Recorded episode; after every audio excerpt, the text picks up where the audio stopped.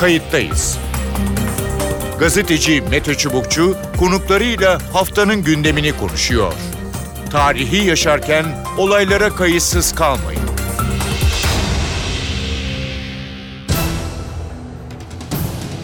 İyi günler bir kayıttayız programıyla daha karşınızdayız. Tarihi ışık tutmak ve olan biteni anlamak için önümüzdeki dakikalarda sizlerle birlikte olacağız. Ben Mete Çubukçu, editörümüz Sevan Kazancı. Suriye'nin İdlib bölgesinde sular ısındı. Türkiye'nin bölgede bulunan gözlem noktalarına Suriye rejimi, Suriye ordusu tarafından ard arda saldırılar düzenleniyor. Son saldırıda bir asker şehit oldu, üç asker yaralandı. Saldırılara silahlı kuvvetler karşılık verdi. Rejim mevzileri Türk topçuları tarafından vuruldu. Ankara, Rusya'nın askeri ateşesini Genelkurmay Başkanlığı'na çağırdı. 9 ve 10 numaralı gözlem noktaları son 3 ayda 8 kez saldırıya uğradı. Türk Silahlı Kuvvetleri bölgeye çok sayıda zırhlı araç, personel taşıyıcı, ağır silah ve asker takviyesi yapıyor. Kayıttayız da İdlib'de bundan sonra neler olabileceğini konuşacağız. İki konuğumuz olacak. Programımızın konuğu doçent Nihat Ali Özcan. Nihat Ali Özcan, e, Türkiye Odalar Borsalar Birliği Üniversitesi öğretim üyesi. Hoş geldiniz programımıza. E, merhabalar, iyi yayınlar diliyorum. Teşekkür ederim. Daha önceki programlarımızda İdlib konusunu e, dile getirmiştik. E, bir takım olumsuzluklar yaşanabileceği e, ne e, konuşmuştuk. Siz de söylemiştiniz. E, ne dersiniz? E, şimdi bu dün yaşananlarla e, birlikte bu olumsuzluklar daha artacak mı ya da e, ne oluyor e, orada? E, çünkü Suriye'nin geneline baktığımızda bir iki nokta dışında e, aslında hani e, normale dönmese bile eski durumu olduğunu e, olmadığını görüyoruz. Buyurun. E, şimdi tabii böyle çok uzun süre devam eden bir iç savaşın hı hı. tabii son e, şeylerinde, kofullarında böyle alanlarında e, tabii güç mücadelesi yerel ölçekte devam ediyor. Hı hı. Şimdi bunlardan belki de en dikkat çekici, karmaşık ve üzerinde biraz daha e, tartışacağımız, konuşacağımız alanlardan biri de sizin söylediğiniz gibi İdlib. Şimdi İdlib cebin içerisinde tabii birbirinden karakter ve beklenti olarak farklı aktörler yer alıyor. Üstelik hani bir de dar alanda paslaşan aktörler var. İşte bir tarafta Rusya, bir tarafta İran, e, Suriye hükümeti yani Hı. Şam hükümeti, Türkiye.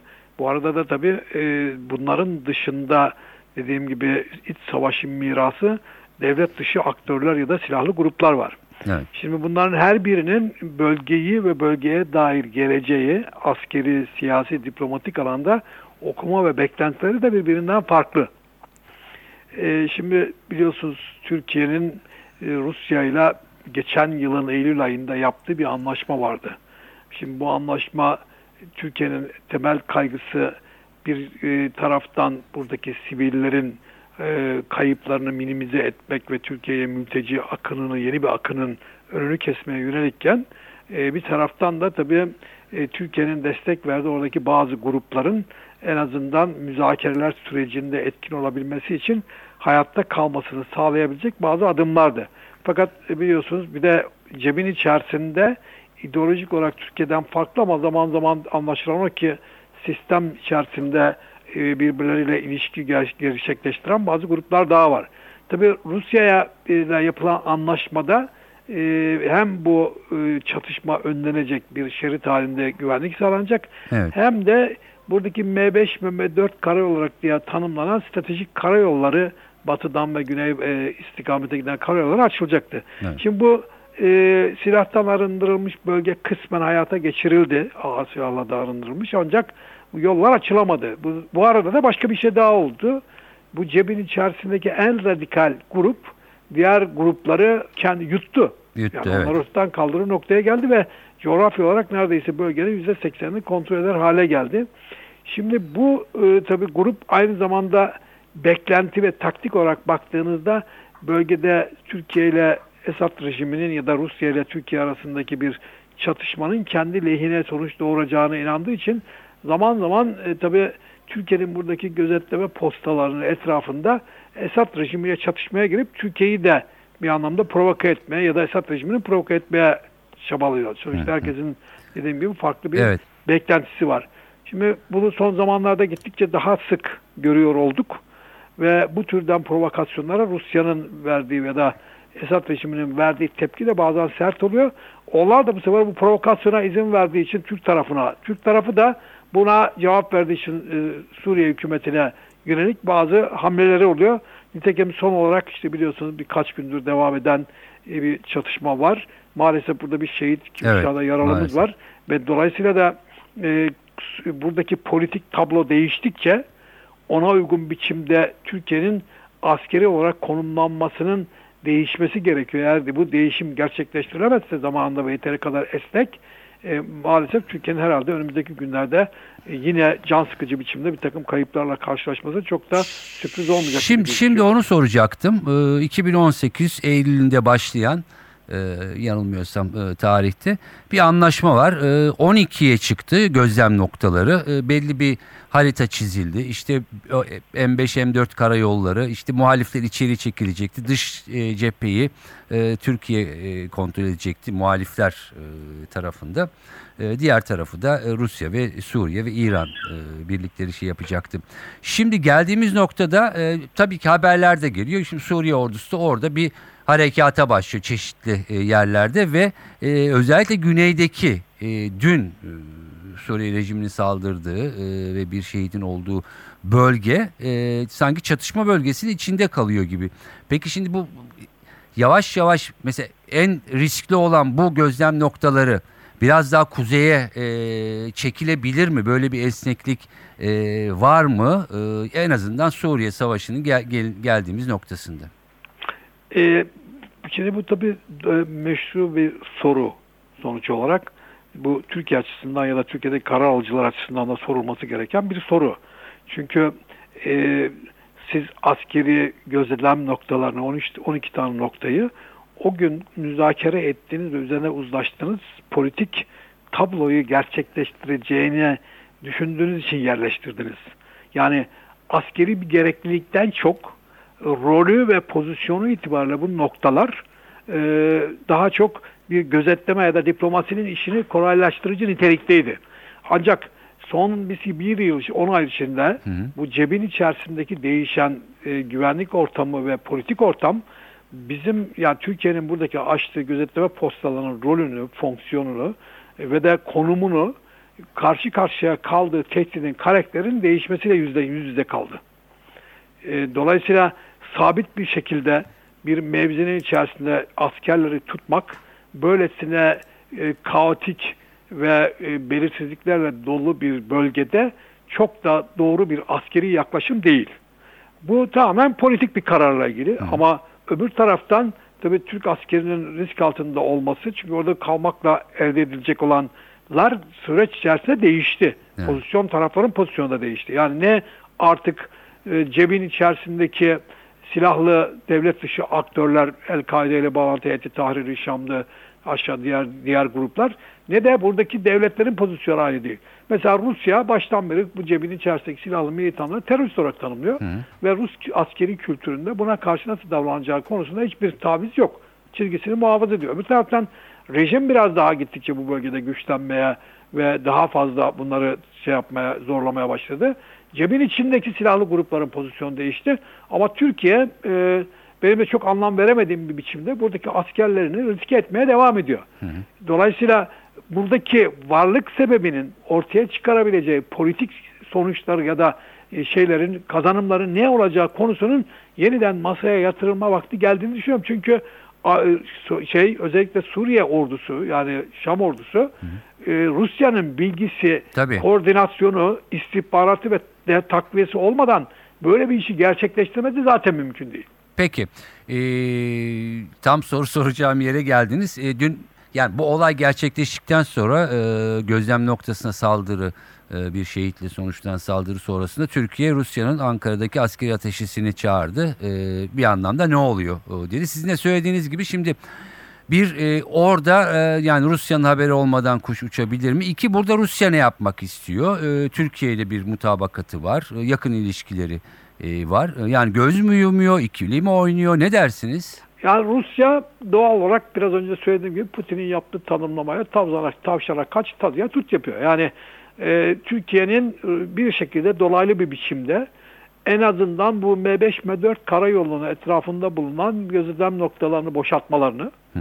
e, kuzeye ve doğu, batıya doğru çekilmesini, bu yolları şeyin e, Suriye e, yani Şam e, şeyinin ordusunun bu yolları tekrar gö- şeye açmasını istiyor. E, söyle ulaşıma açmasını istiyor. Hı. Çünkü bu aynı zamanda kendisi açısından da ve e, Esad rejimi açısından oldukça önemli gözüküyor.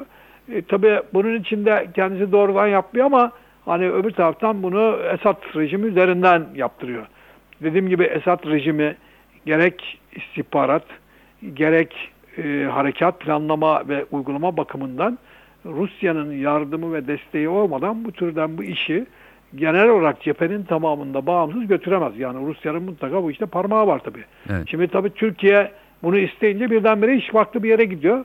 E, o yüzden e, Rusya hani Türkiye'ye ben yapmadım ya da sen bunlardan doğrudan doğruya çekil bu Astana ve diğerleri çöksün demiyor ama de facto olarak yani fiili olarak sahada yaratılacak bir resimle e, yeniden şey İdlib'in e, dış cepherlerini belirlemek için böyle bir tazik yapıyor. Herhalde bu Eylül'e kadar ya da kışa kadar devam edecek gibi gözüküyor. Çok teşekkür ediyorum. Ben teşekkür ederim. Doçent İyi Nihat Ali. Özcan kayıttayız'ın konuydu. Kayıttayız'ın konuğu doçent Murat Yeşiltaş. Murat Yeşiltaş, SETA Güvenlik Araştırmaları Direktörü. Hoş geldiniz programımıza. Hoş bulduk, merhaba. Ee, İdlib'i, Suriye'yi konuşuyoruz. Ee, maalesef bir saldırı e, sonrası ki ilk saldırı değil, e, bir asker şehit oldu, 3 yaralı e, söz konusu. Biraz daha ısındı e, o bölge. Evet. Şimdi 2018'de bir e, mutabakat e, sonrası e, Türkiye Rusya'yla e, yapılmıştı e, Soçi'de. 12 gözlem noktası kurdu. E, oradaki muhalif bölgeyi daha çok sivilleri e, korumak, bir ateşsizlik bölgesi e, yaratmaktı. E, o dönemin siyasi diplomatik dengeleri, insani e, dengeleri söz konusuydu. Bugün gelinen noktada e, şunu sormak istiyorum. O dengeler hala korunuyor mu yoksa alanda bir takım değişiklikler var mı ki Suriye böyle bir saldırılara başladı Evet. E, ya da Rusya ne kadar ses çıkarıyor gibi. Buyurun. Yani aslında değişiklik var, alanda değişiklikler var. Öncelikle HTŞ'nin gücünün e, ateşkes ve bu Soçi uzlaşısından sonra çok daha hızlı bir biçimde arttığını görmüştük. Ve diğer e, silahlı muhalifleri yenmişti. Bu, bu süreçten sonra tabii ki e, Türkiye'nin de özellikle bu sürece dahil olmasıyla birlikte e, milli ordu unsurları ve diğer muhalif unsurlar HTŞ'ye karşı daha fazla zemin kazandı, alan kazandı. Hı hı. Türkiye'de tabii her geçen gün e, ciddi bir güç konsolidasyonu yaptı. Askeri varlığını bölgede arttırdı ve Rusya'ya sahada e, olmasının aslında kıymetini de önemli ölçüde gösterdi. Çünkü Rusya da bu meselenin kendisi için bir maliyet üretebileceğinin farkındaydı. Evet. Ama tabii bu zamanla rejimi rahatsız etti. İran'ı da büyük ölçüde rahatsız etti. Ve İdlib'de bir tür e, statükonun oluşmasını yani mevcut durumun devam etmesini ve kalıcılaşmasına dair bir endişe ortaya çıkardı. Tabii burada özellikle Türkiye'nin Soçi Uzlaşması bağlamında belki e, yapması gerekenleri de sahanın zorlukları nedeniyle başaramadığını söylemek mümkün. Çünkü orada özellikle M5 karayolunun güvenli hale getirilmesi ve onun daha kuzeyine, kuzeybatısına doğru özellikle e, HTŞ'nin e, geri çekilmesini sağlaması, ağır silahlardan arındırılmasını gerektiriyordu yıl sonunda. Hı. Ama bu çok fazla gerçekleşmedi ve bugün itibariyle M5 karayolunun özellikle Şam'a uzanan e, e, ayağının, kolunun güvenli hale getirilmesinin Şam açısından e, son derece önemli olduğunu biliyoruz. Dolayısıyla Evet. e, burada bir rahatsızlık söz konusuydu. Tabii e, bugüne kadar da birçok e, rejimin saldırısı da vardı bölgeye. Ama rejimin min önemli ölçüde bence strateji değiştirdiğini söylemek mümkün. Şöyle ki Nasıl? yani Türkiye'yi bölgeden kuzeye doğru aslında geri çekilmesini sağlamak istiyor. Belki de Türkiye'yi e, tamamıyla kuzeyden atmak istiyorlar aslında ama İdlib'den Türkiye'ye yönelik bir ta- e, önemli ölçüde rahatsızlık verecek ya da riski yüksek maliyet üretebilecek bir takım saldırıları gerçekleştirmek suretiyle Türkiye'nin bu gözlem noktalarından çekilmesini ve kendi özellikle Afrin bölgesine ve e, Fırat Kalkanı bölgesine Türkiye'nin geçmesini istiyorlar. E, bu tabii e, Türkiye'nin burada olması birçok süreci de rejim açısından engelliyor. Hı hı. Rusya buna göz yumduğu kanaatindeyim ben. Öyle mi? Yani çünkü e, yani Rusya'nın e, rejimle olan ilişkisini düşündüğümüzde rejimin Türkiye gibi bir aktörü hedef alamaması lazım bu kadar net ve net bir biçimde. Çünkü Savunma Bakanlığı'nın yapmış olduğu açıklamada bunun bilinçli e, bir saldırı olduğu ifade edildi Evet. e, ve karşılık verildi. Dolayısıyla e, acaba Rusya'da e, Türkiye'nin bölgedeki varlığından rahatsız mı E, ya da Türkiye'nin bölgeden çekilmesini sağlamak suretiyle e, muhaliflere yönelik İdlib bölgesinin özellikle güney güneybatısını ele geçirmek için ciddi bir saldırı planları mı var? Türkiye'nin orayı terk etmesini sağlamak suretiyle. Bunlar da büyük soru işaretleri oluşturuyor bende açıkçası. Peki şunu sormak istiyorum. Şimdi 12 tane e, nokta var. Bu saldırıya uğrayanlar en güneydeki en riskli. E, bir de dediğiniz gibi yani bir yıl içinde o denge de değişti. Suriye rejimi Evet. e, operasyona başladı. Bu ilk saldırıda e, değil. E, Hı hı. Belki ne dersiniz? Yani askeri alanda e, belki bu en güvensiz ya da ortada belki kalan e, hı. yani orada olmadığımız için bilmiyoruz. Bu Hı hı. birkaç tane postun e, daha kuzeye çekilmesi, biraz daha güvenliğin arttırılması yani gerekir mi yoksa başta dediğiniz gibi böyle başlarsa kuzeye doğru tamamen bir çekilme mi Evet. e, Bence devam eder? yani bu tabii şu anda e, Türk Silahlı Kuvvetleri'nin ve sahadaki e, güvenlik e, unsurlarının istihbarat değerlendirmesiyle ilgili bir durum Hı hı. bu. Sahadaki şartları onlar daha iyi biliyor. Tabii ki burada Türk Silahlı Kuvvetleri personelinin riske atılmaması büyük bir öncelik ama bence daha resmin e, daha stratejik e, tarafına baktığımızda burada yaşanacak bir çekilmenin e, büyük ölçüde bir operasyonel çekilmeyi de beraberinde getireceği ve Türkiye'yi kuzeye sıkıştırmak anlamına geleceğini Türk karar alıcılar çok iyi biliyor bence. Dolayısıyla burada şu aşamada çekilmenin e, sırf yani askerleri riske etmemek için alınacak bir önlem bağlamında yapılacak çekilmenin İdlib'deki dengeleri, Suriye'deki dengeleri çok ciddi manada Türkiye'nin aleyhine değiştirme riski var. Dolayısıyla böylesi bir şeyin yapılması şu anda çok uygun olmayabilir. Peki. Şimdi e, burada tabii ki Rusya önemli aktörlerden e, birisi. Yani Hı hem hı. Soç, Soçi süreci hem Türkiye ile ilişkiler hem de rejimle e, ilişkileri bağlamında.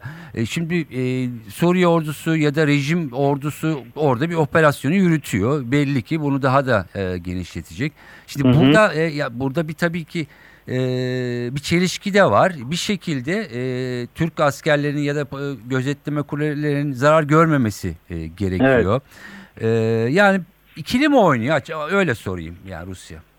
Yani Rusya şöyle, e, yani Türkiye'nin aslında öneminin farkında. Evet. E, kendi güvenliğini sağladıktan sonra e, Rusya için birinci öncelik bu gibi gözüküyor. Yani Hümeyim üstündeki özellikle kendi askeri varlığını garanti altına aldıktan sonra Rusya için bir sorun yok gibi gözüküyor. Ama özellikle İdlib'in e, güneybatısındaki Suriye e, rejimine ait unsurların ki bu unsurlar daha çok Rusya tarafından kontrol ve komuta ediliyor. Bunların ilerleyişinin de çok mümkün olmadığını gördü Rusya. Yani geçtiğimiz haftalarda bu 5. ve 6. E, e, Tü- Tugaylar Hı hı. ilerleme sağladı. Ancak muhalifler buradaki e, yapmış olduğu mücadeleyle ki HTŞ değil bu muhaliflerin önemli bir kısmı. Evet. Burada 5. ve 6. E, Tugay'ı geri e, püskürttüler ve al, tekrar e, ele geçirdiler buradaki bölgeleri. Yani Rusya açısından da sahada ilerlemek çok kolay değil. Hava bombardımanı da bir yere kadar. Tabii. O da uluslararası toplumu bu meseleye çok daha fazla angaja hale getiriyor.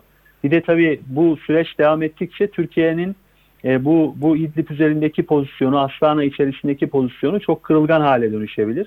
Rusya'nın bunu istediğinden emin değilim. Evet. Ama öyle ya da böyle rejime zaman zaman rejimin yaptığı e, hamlelere zaman zaman göz yumduğunu e, söylemek mümkün. Çünkü burada eninde sonunda Ruslar İdlib meselesinin halledilmesini istiyorlar. Yani en azından e, Laskiye'ye giden e, e, karayolunun ve e, Şam'a giden karayolunun Evet. Kendi güven kendi kontrolü altında, rejimin güven, kontrolü altında olmasını e, arzuluyorlar. Bu da rejimi önemli ölçüde rahatlatacaktır. Ve Suriye'deki bu politik geçiş sürecinde e, muhaliflerin pozisyonunu önemli ölçüde zayıflatacaktır. Yani eğer biz Astana'dan Cenevre'ye doğru bir süreç başlatacaksak Hı hı. bu süreci anlamlı kılan tek mesele şu anda İdlib meselesi. Evet. O Evet. bağlamda da muhaliflerin konumu tabii bu ku- kuzeye doğru itmek, kuzeye doğru sıkıştırmak e, hem muhalifleri kendi içerisinde ciddi bir alan kontrolüne, egemenlik iddiası üzerinden yeni bir çatışmaya sürükleyecektir. Ki bu da hem Rusya'nın hem de rejimin işine gelir bu aşamada. Tabii Türkiye'yi de bu anlamda zora sokacaktır. Çünkü sınırımızın dibindeki bir olaydan e, bahsediyoruz ve artık e, asker kanının döküldüğü bir meseleden bahsediyoruz. Yani Türkiye'nin şehit vermesi Evet. anlamında. Dolayısıyla burada güvenlik perspektifinde de bir e, değişiklik söz konusu olabilir. E, dolayısıyla Rusya'nın pozisyonu böyle. Yani hem Türkiye ile uzlaşının e, faydalarını görüyor ama aynı zamanda da e, Türkiye'yi rahatsız edecek bir takım süreçlere göz kırpıyor, göz yumuyor. Peki son sorum olsun. E, En zor Buyurun. soru da o ve kısa bir Buyurun. cevap isteyeceğim. E, peki e, yani Suriye meselesi birkaç alana hani şu anda kelimenin e, de- e, ya da deyim yerindeyse e, sıkıştı. Yani bir tanesi Evet. işte Fırat'ın e, doğusu, diğer tarafta İdlib. E, ama Evet. şimdi İdlib daha sıcak gibi e, görünüyor. Yani kısa Evet. vadede e, şimdi statiko korunmuyor gibi ne olacak? E, nasıl Yani bir yol izlenecek? Kısa vadede kısa vadede İdlib sor- sorununa çözüm yok çünkü yani HTŞ'nin varlığı e, sahada olduğu müddetçe hı. e, ve bunu ıslah etmenin, silahlarını bıraktırmanın mümkün olduğu e, e, biraz imkan dahilinde olmadığı sürece zor. Ama şöyle duyumlar da geliyor. Rusların HTŞ ile bir takım görüşmeler yapmaya başladığını yavaş yavaş yani kendilerinin de HTŞ'nin dönüşmesi konusunda bir e, perspektife perspektife sahip olduğunu duyuyoruz. Bu işleri tabii kolaylaştırır. Hı hı. Öyle olursa daha e, rahat bir ilerleme e, sağlanacaktır muhtemelen Peki. İdlib konusunda. Ee, Murat Yeşiltaş çok teşekkür ediyorum. Ben Programımıza teşekkür ederim. katıldığınız ve görüşlerinizi bizle paylaştığınız Sağ için. olun, Evet. sağ olun. Evet görüşler böyle. İdlib'i daha önce de konuştuk. Bundan sonra konuşmaya da devam edeceğiz gibi görünüyor. Ancak Suriye'de şu anda en sıcak noktalardan birisi. Umarız bir süre içinde en azından statiko korunur, stabil bir hale gelir ama bir vadede İdlib sorununun çözülmesi gerekiyor. Konuklarımızın görüşleri de böyle. Ben Mete Çubukçu editörümüz Sevan Kazancı. Kayıttayız'dan bu haftalık bu kadar. Önümüzdeki hafta farklı bir konuyla yeniden birlikte olmak amacıyla hoşçakalın. Kayıttayız. Gazeteci Mete Çubukçu konuklarıyla haftanın gündemini konuşuyor. Tarihi yaşarken olaylara kayıtsız kalmayın.